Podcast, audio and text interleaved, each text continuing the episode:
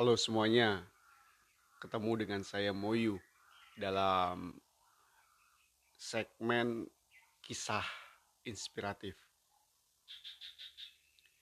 Segmen ini berisi tentang kisah-kisah yang moga-moga menginspirasi kita sekalian. Dan kisahnya diambil dari banyak sumber ada yang dari pengalaman, ada yang dari cerita orang tua, ada yang dari bacaan, atau berdasarkan apa yang pernah saya lihat.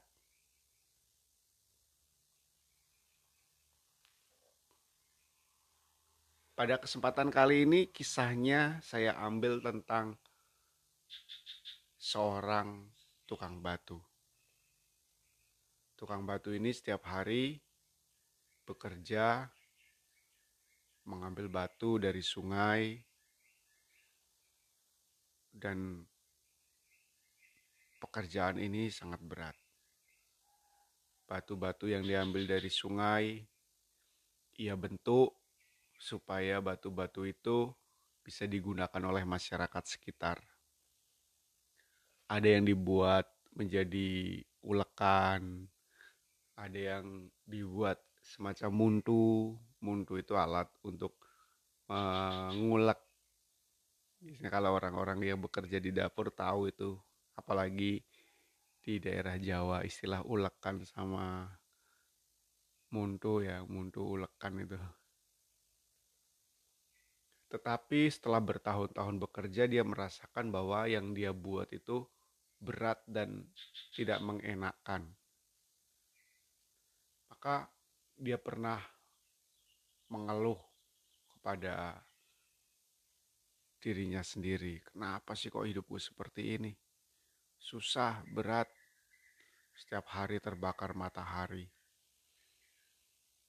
Panasnya tidak kenal ampun. Lalu dia berdoa dan ingin bahwa dirinya menjadi matahari yang bisa menguasai seluruh dunia dengan teriknya itu. Dia pikir dengan menjadi matahari tidak ada yang bisa mengalahkan dia. Doanya dikabulin dan dia jadi matahari dan ketika dia bisa menjadi matahari dia puas bangga. Dia kuasai bumi dengan teriknya. Tapi ketika dia sedang bersinar suatu kali ada yang membuat sinarnya, teriknya itu tidak bisa menembus ke bumi apa itu? Itu adalah awan.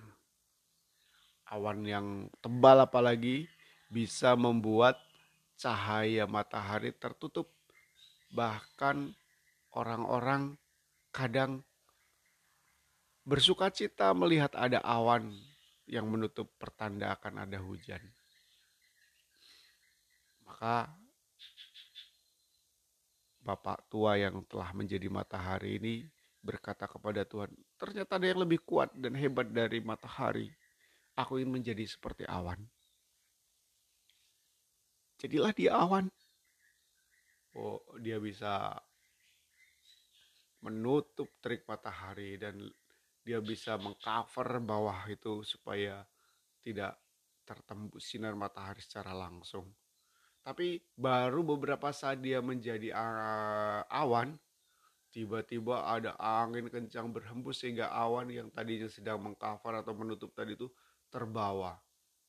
Dia terkejut ternyata ada angin yang bisa mengontrol awan dan bisa memindahkan awan ke mana saja, digerakkan ke mana saja secara kencang maupun pelan. Alangkah enaknya kalau bisa menjadi angin jadilah dia angin angin itu berhembus kencang.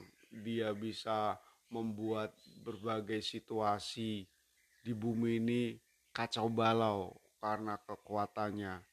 Tetapi tanpa diduga juga dia bisa juga membuat binatang-binatang berterbangan lari terbirit-birit karena kehadirannya.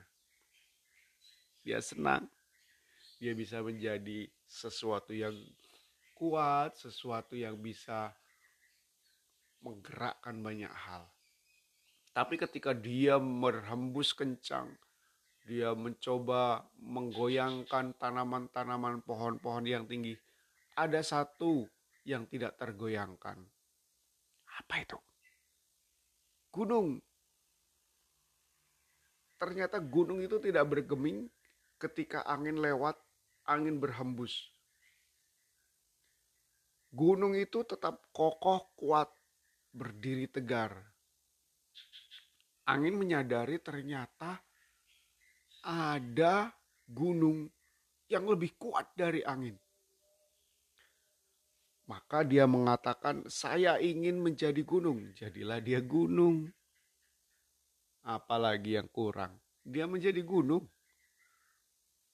Tak berapa lama dia menjadi gunung, tiba-tiba terjadilah gempa bumi dan mengeluarkan gunung itu lava, magma, dan semua yang keluar dari mulutnya keluar. Gunung itu porak-poranda karena letusannya. Maka dia ingin menjadi apa? Itu yang keluar dari gunung itu Iya. Dia menjadi itu dan kemudian mengeras, jadilah dia batu. Ketika dingin. Dia pikir batu adalah sesuatu yang paling kuat, paling hebat dibanding gunung, dibanding angin.